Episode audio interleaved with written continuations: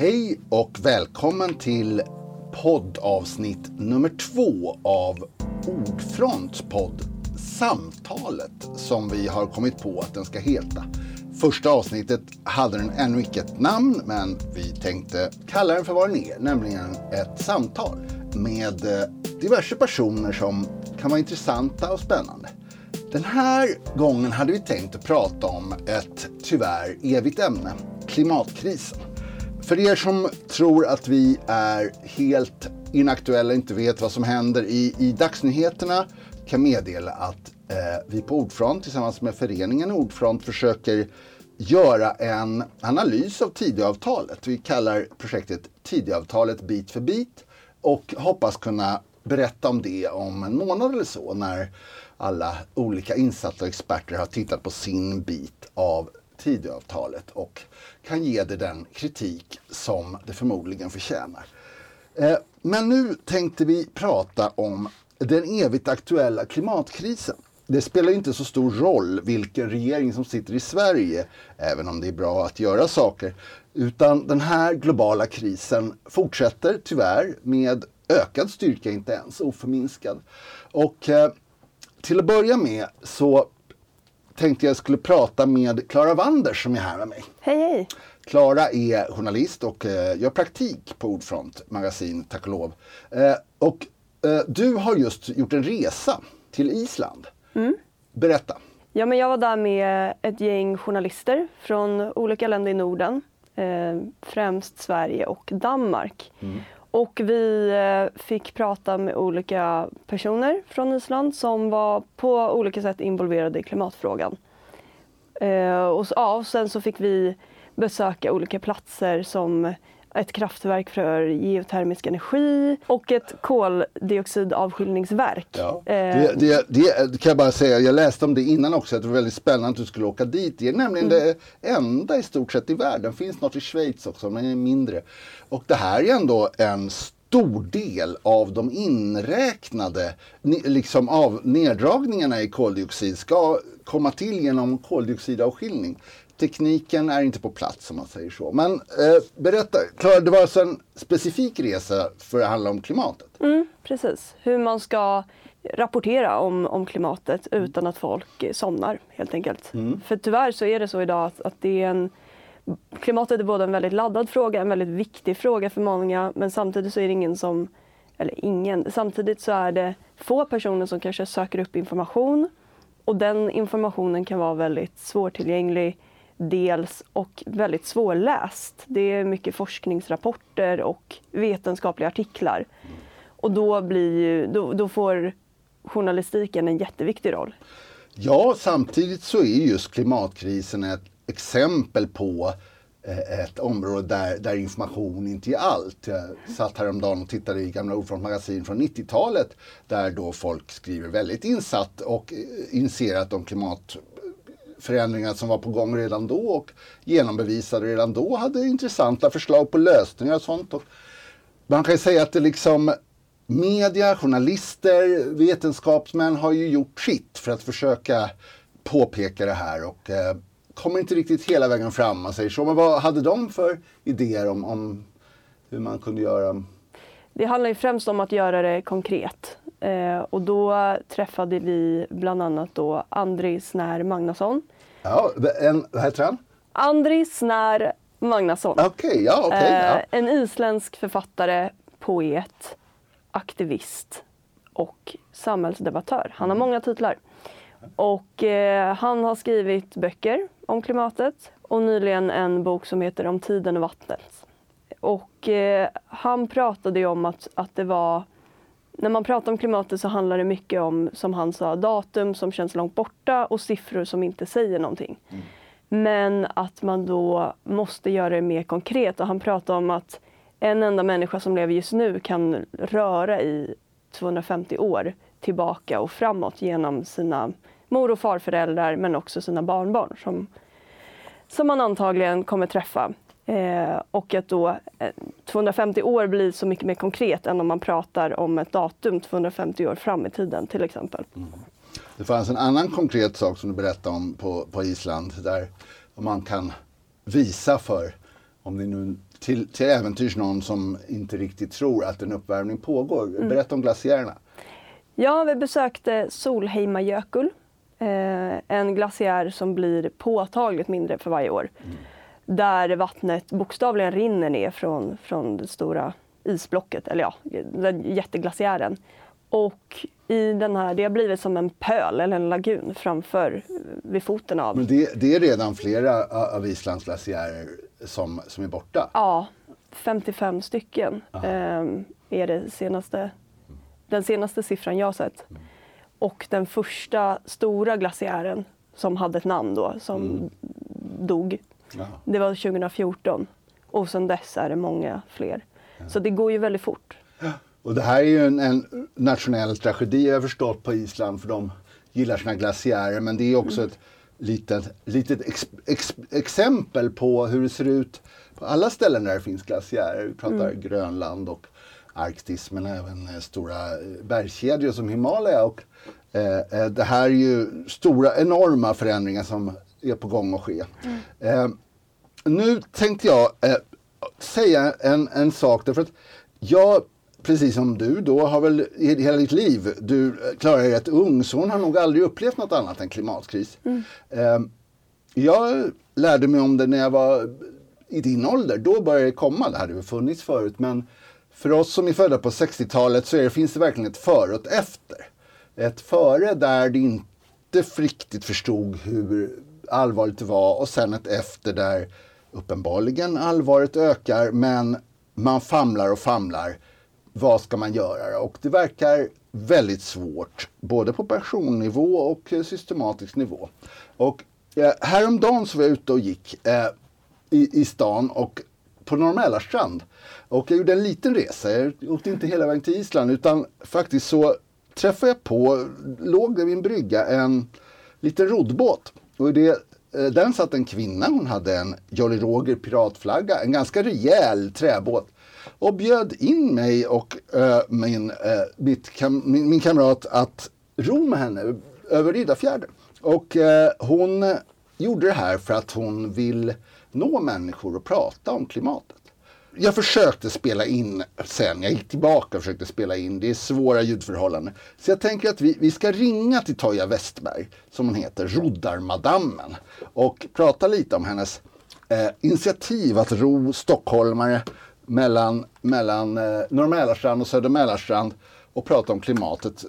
Varför hon gör det och vad de säger och, och så. När inte medie, jättemedierna och Al Gore lyckas så kanske en roddarmadam kan ha bättre tur. Hallå Toja Westberg, här är Johan Berggren. Hur står det till? Det är bra tack, hur är det själv? Jo, det är rätt bra. Vi sitter här i studion och jag berättade just om eh, hur vi träffar på dig och eh, eh, lite snabbt om att du gör den här rodden för klimat. Men jag tänkte det är bättre om du får prata. Eh, berätta vad du har gjort och håller du på fortfarande? Ja, ja, jag håller på fortfarande, inte just idag. Jag håller bara på när det är soligt väder och meteorologerna har sagt att det ska vara soligt väder. Vilket inte alltid överensstämmer. Men eh, jo, nej, men jag tänkte som så att det här med klimatet är ju klurigt och det verkar inte som folk har tid att eh, ta sig en funderare kring det. Vilket eh, vi behöver göra allihopa. Och så läste jag om de här roddamadammerna och tyckte att de var lite coola sådär. Eller väldigt coola. Ja. Ja. Schysst att det var kvinnor som rodde över män eh, överallt i Stockholm. Eh, så då tänkte jag att det här med båten, vi sitter ute i naturen på guppande vatten. Man känner att man man är en del av det hela. Vi har tid att tänka våra tankar till punkt och man är liksom fast där på båten med mig lite grann. Man kan inte riktigt fly. Eh, vilket också tvingar oss att behålla en ganska, ja en trevlig ton gentemot varandra. Man kan liksom inte bli förbannade på varandra ute på båten.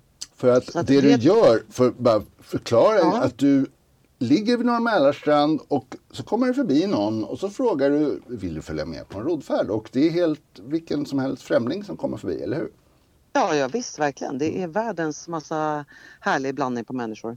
Ja, vad, vad händer på båten? Är, det, är folk bekymrade över klimatet? Berätta.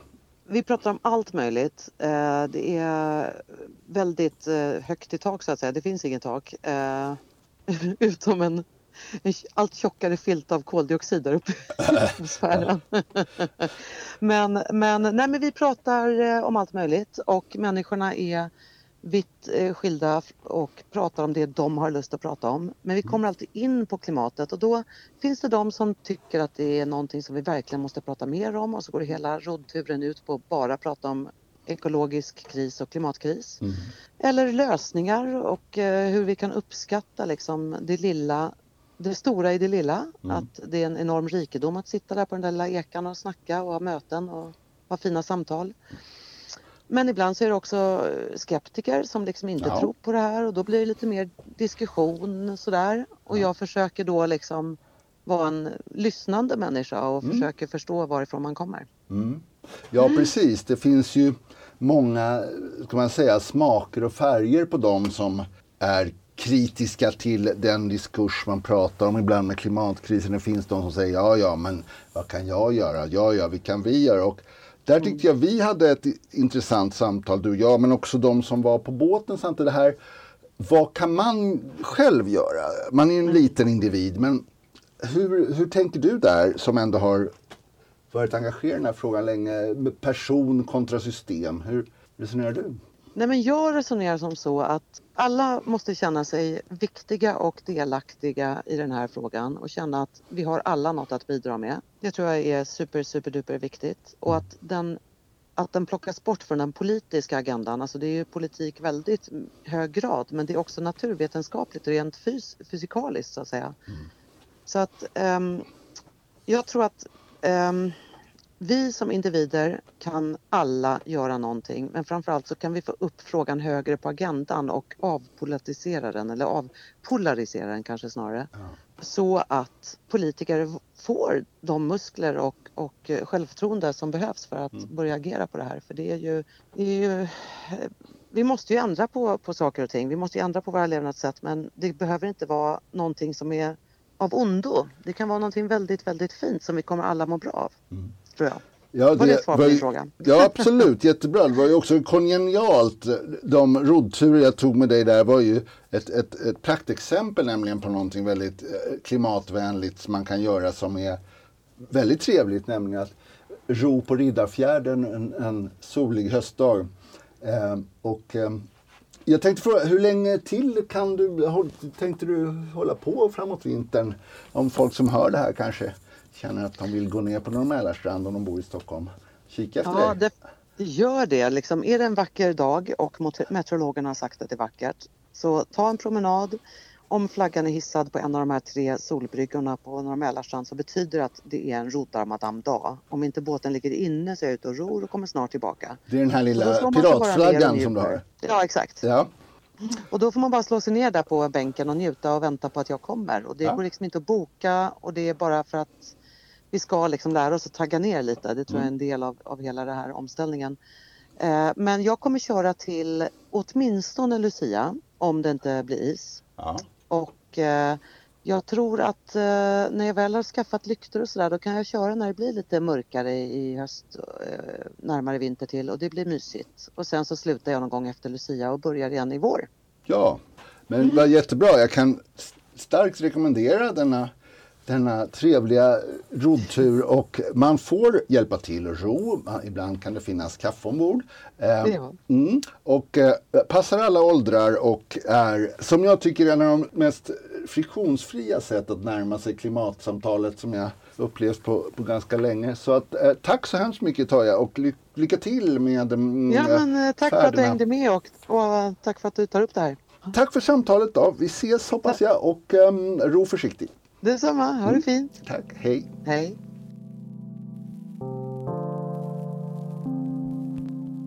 Så, det var alltså eh, Toja Westberg som ror fram och tillbaks över Riddarfjärden i Stockholm soliga dagar för att få kontakt med människor och prata om klimatet. Varför jag tog upp det här med problemet om kommunikationen är ju att eh, hon till exempel då, hon har ju engagerat sig på olika sätt och klimatet förut. Hon har ju bland annat startat en ett initiativ som heter Researchers Desk. Researchers Desk, man kan, man kan googla det. Det är en kunskapsbank med då eh, pedagogiskt framställd forskning inte så svårt som i, i liksom rapporterna, råa forskningsrapporterna. Och de försökte ju med den här att, att få komma och prata med företag, makthavare, politiker och eh, med ganska dålig framgång. Eh, nej, vi har inte tid och eh, tack, vi känner till det här. Och det är väl det också att man kan försöka få in det här, eh, för det är där i sitt liv, utan att det känns som en fruktansvärt tvång och man eh, har en pekpinne ovanifrån. Eh, då är det så här att i, i, vi har ju då tjatat, jag är ledsen men så är det, om klimatet i många år. Um, och eh, inte minst det senaste numret, höstnumret här, eh, som våran återkommande medarbetare Abigail Sykes eh, har skrivit en liten, eh, nästan som en guide, en, en liten kort handbok eh, med den slående rubriken Vad fan ska jag göra då? Som försöker ge lite råd hur man då ska, man, liksom, någon, hitta någonstans mellan panik och apati. Um, var brukar du befinna dig på den skalan, Klara? Ja, det var en bra fråga. Det är ju mer en eh, lågintensiv panik skulle jag väl beskriva det som. Mm. Så lite mer åt panik. Men som blir någon sorts handlingsförlamning i ja. saker att göra. För att det, det är väl precis det vad fan ska jag göra då? Och det, jag tycker att det kan bli svårt när, speciellt kanske att leva i, i Stockholm och på något sätt tänka att man ska handla miljövänligt och transportera sig miljövänligt och, och göra sådana vardagsval. Att det kan bli väldigt svårt. Just, ja men dels maten är dyr, det ekologiska är dyrt och att ja, på något sätt så när snön faller så kan man inte cykla till jobbet längre. Nej, och det är ju en, en diskussion som är lika gammal som jo. tio minuter efter den första IPCC-rapporten ja. så börjas det, är det verkligen individerna på konsumentnivå som har ansvaret eller är det stora systemomställningar, sluta ta upp fossila bränslen. Vi har hållit på stött och blött det här och Toja Westberg menar ju att det hör ihop. Att det oftast går hand i hand. Där. Och jag tänkte vi pratar med Abigail Sykes som ju då är omställningsexpert och eh, miljöjournalist och har läst många böcker och pratat många samtal om det här. Så vi tar och ringer ett samtal till. Hej, det är Abigail. Hej Abigail, det är Johan Berggren här som ringer. Eh, Hallå? För jag tänkte ju, vi hade bett att få prata med dig lite grann om klimatet och vad man, hur man ska förhålla sig till det. Ja. Eh, ja, du har ju skrivit en artikel här i senaste numret där du försöker spalta upp på ganska insatt sätt eh, vad man kan göra, vad man kanske inte bör göra och sådär. Kan du berätta lite grann hur du tycker att man kan titta på den här dilemmat med att befinna sig mitt i en klimatkris? Ja, men en grej eh, som jag har tagit åt mig väldigt mycket av klimatpsykologerna och deras bok Klimatpsykologi har varit att det är jättefint att göra saker liksom hemma och för sig själv som är i linje med sina värderingar. Det är mm. viktigt för en själv att man liksom lever som man lär och sådär. Mm. Men allting som inte syns utåt får ju ganska begränsad effekt. Mm. Uh, speciellt små grejer som att så här, sopsortera och mm. byta glödlampor och sådär. Uh, det får ju större effekt om man gör de här lite större um, förändringarna, typ gå över till vegeta vegetarisk eller växtbaserad kost eller helt sluta flyga och sådana saker. Det mm. gör ju större skillnad. Men det är fortfarande så att allt du gör blir så himla mycket multiplicerat om du gör det tillsammans med andra, pratar med andra om det, på något sätt synliggör det. Liksom. Mm. Um, att, att vara en individ är inte så hjälpsamt utan det är just som kollektiv och som samhälle som vi gör skillnad. Liksom. Jag förstår, så du menar att om man pratar om, eh, säg vegetarianism och eh, försöker tipsa folk om eh, sådana recept? Eller hur menar du? Att man kan organisera sig eller synas? Är det Instagram vi pratar om?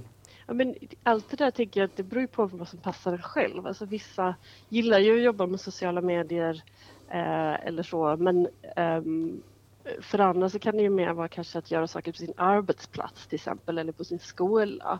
Alltså det, kan, det gör ju mycket större skillnad om hela arbetsplatsen bestämmer att man bara ska ha vegetariskt i matsalen eller bara ska ha vegetariskt på konferenserna än om du själv gör det liksom. Så det är en del och en del tänker jag också är att att på något sätt försöka förmedla det här att mycket av detta handlar ju inte om uppoffringar heller utan det handlar ju om eh, i många fall en ökning av livskvaliteten. Mm. Alltså istället för att tänka att åh nej nu får jag inte flyga eh, längre så kan man tänka ja men nu kan jag åka på tågresor som ofta är mycket roligare eller man träffar mer folk eller liksom det blir en annan typ av upplevelse.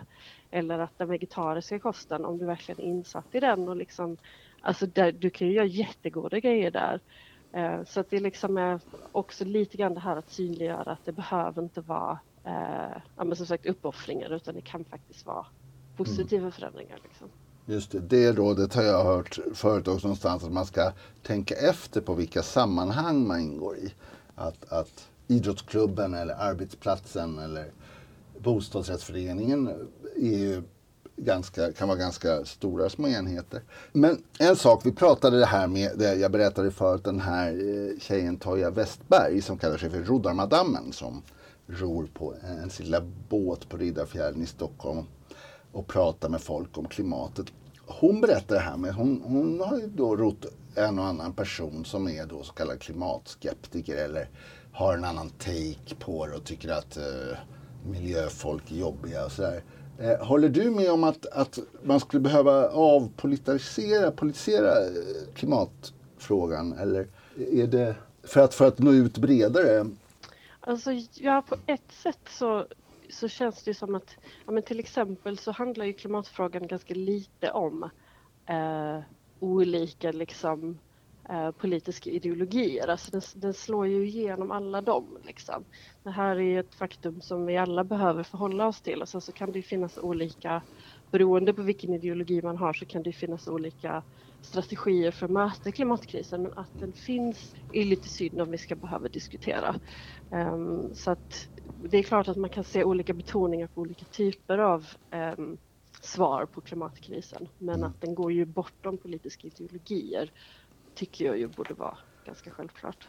Ja, eh, jo, jag, jag, brukar ibland tänka på skillnaden mellan svenska kristdemokrater och konservativa mot tyska bara. Um, mm. De är väldigt stor skillnad. De är tyska konservativa och kristdemokrater är både kunniga och engagerade och stora reformer för att uh, möta klimatkrisen. Kanske inte tillräckligt riktigt men ändå det är ju inte som att det har blivit en vänsterfråga. Eh, vilket det kanske inte är som du säger.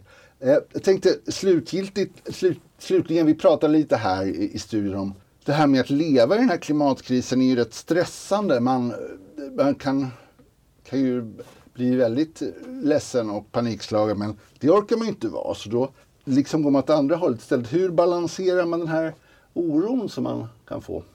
Ja, alltså det tänker jag ju verkligen är en nyckelfråga för att det, vi hanterar ju inte riktigt den som samhälle liksom utan det blir väldigt lätt det här att det är svårt att prata med andra om den. Eh, ja, man vet inte riktigt vad man ska göra med den liksom. Mm. Så jag tror att en sak som är jätte, jätteviktigt är att vi alla som känner en klimatoro känner att man kan prata om den, man kan hantera de känslorna. Att det är okej att berätta att idag är jag jättedeprimerad för eller ledsen eller orolig mm. Eh, för situationen. Liksom. Att det finns utrymme för att bearbeta det och jag tror att vi behöver bli mycket, mycket bättre på det, att verkligen ge det tid och utrymme mm. Eh, och rota lite grann också i våra egna känslor. Gärna då som vanligt tillsammans med andra. Liksom. Att man ser att vi är jättemånga som bär på ilska, oro, sorg Eh, och att det gör väldigt mycket när vi dels får berätta om den och dels ser att andra känner samma sak. Och man kan ju hämta väldigt mycket kraft ur det men man hämtar inte kraft genom att låtsas som att allt är bra eller att, att försöka att bara liksom klistra ett leende på allting utan vi måste hantera de känslorna tror jag för att vi ska kunna komma vidare. Alltså det blir väldigt osunt att liksom stänga in känslorna. Ja. Så. Det är inte bra för oss och det är inte bra för planeten heller. Liksom. Nej. Återigen, sitt inte ensam. Det, det är en liten tumregel man kan ha. Eh, inte bara kanske i klimatfrågor utan andra saker också. Men, men ja, det är goda råd. Tack Abigail. Och eh, vi kommer tyvärr få tillfälle att återvända till klimatfrågan och din expertis. Men den här gången, för den här gången så tackar vi dig och eh, mm, ber att få säga adjö för idag. Hej då! Tack, tack. Hej, hej. Det var alltså Abigail Sykes som är miljöjournalist, omställningsexpert och återkommande medarbetare i Ordfront magasin. Eh, lite av våran miljö och klimatexpert. Och Klara, jag tänkte börja här med Island. Mm. Och vad sa de då? Vad sa han vars namn jag inte ska försöka uttala? vad kan man göra då? Jag menar, en sak är att prata om det och 250 år, men vad gör de? Ja, just nu så är just Island uppe lite i sin egen debatt kring huruvida de ska hjälpa andra länder att tackla klimatkrisen eller inte. För fokus är inte... Fokus under, under min resa var inte riktigt hur, hur man kan tackla klimatkrisen för det är fortfarande en fråga som svävar. Ja. Eh, snarare ja, men hur, hur kan man skaffa sig de förutsättningarna? Mm. Och för Islands del så är det ju ganska lätt i och med att de har ja, bra förutsättningar att, att klara sig ganska fossilfritt ändå och, och miljövänligt. Ja, de har, de har värme från ja. marken och de är 350 000 personer. Ja. Mm. Men, ja, nej, men som sagt, det handlar om att göra det konkret och att på ett journalistiskt sätt, om, om vi återgår till det, mm. göra det lite mer roligt. Och det låter ju ganska hemskt. Ja. Men lite mer trevlig läsning. Ja. Snarare än domedagsläsning. Ja. För det är ju ingen som vill sitta och läsa om domedagen vid frukostbordet. Barkbåtstävling i smältvattenspölen. Ja, och ja. en liten faktaruta mm. om varför. Nej, men att man... Ja, man kan ju säga att det är det vi har försökt göra lite idag. Man pratar om en, en trevlig eh, tjej som ror en mysig båt på Riddarfjärden. Mm. Så smyger man in lite domedag ovanpå där. Um, jag tänkte bara påpeka en sak om det här koldioxidavskiljarverket. Eh, det, det funkar där på Island. Eh, väldigt mycket på grund av att de har en väldigt speciell berggrund mm. som man kan leda ner koldioxiden i som eh, blir eh, sten och fastnar där. Men det är i stort sett bara Island som har den. Annars hade man kunnat tänka att man importerar den här tekniken och bygger massa sådana verk i Sverige. Det går inte tyvärr. Um, men det, det, är dels det, de har den här porösa mm. basalten. Men också just för att det krävs väldigt mycket energi. Och det är ingen idé att göra det med någon annan energi än geotermisk energi. De sitter på en vulkan så de kan använda den ja. energin. Ja, eh, så vi hoppas väl då att makthavare och mindre makthavare, nämligen vanliga människor, kommer fram till bättre och snabbare och effektivare sätt att eh, möta klimatkrisen och att vi inte går under av oro under tiden. Jag ja. tänker, hade du något du vill säga? Nej, men, får jag lägga till en sak? Ja, absolut. Eh, jag tror att det, det allra viktigaste på något sätt om, om det ska bli normaliserat att prata om klimatet på ett, på ett bra sätt och mm. ett effektivt sätt är att avpolitisera frågan och att det inte ska vara på något sätt aktivistiskt att prata om det. För det kommer mm. alltid finnas människor som inte lyssnar på aktivister eller politik. Ja. Eh, och det är väl det som är lite frågan hur vi ska nå den typen av norm. För mm. det, ja, bara feminismen tog väl i princip hundra år för allt att träda i kraft. Ja, kanske inte riktigt i mål än. Och Nej. Det är ju lång tid och vi tror inte riktigt vi rent naturvetenskapligt har så lång tid. Så vi får väl hoppas att um, det kanske går snabbare nu mm. med Instagram och allt sånt som finns. Ja, vi får hoppas. TikTok. Och, ja, och poddar. Herregud.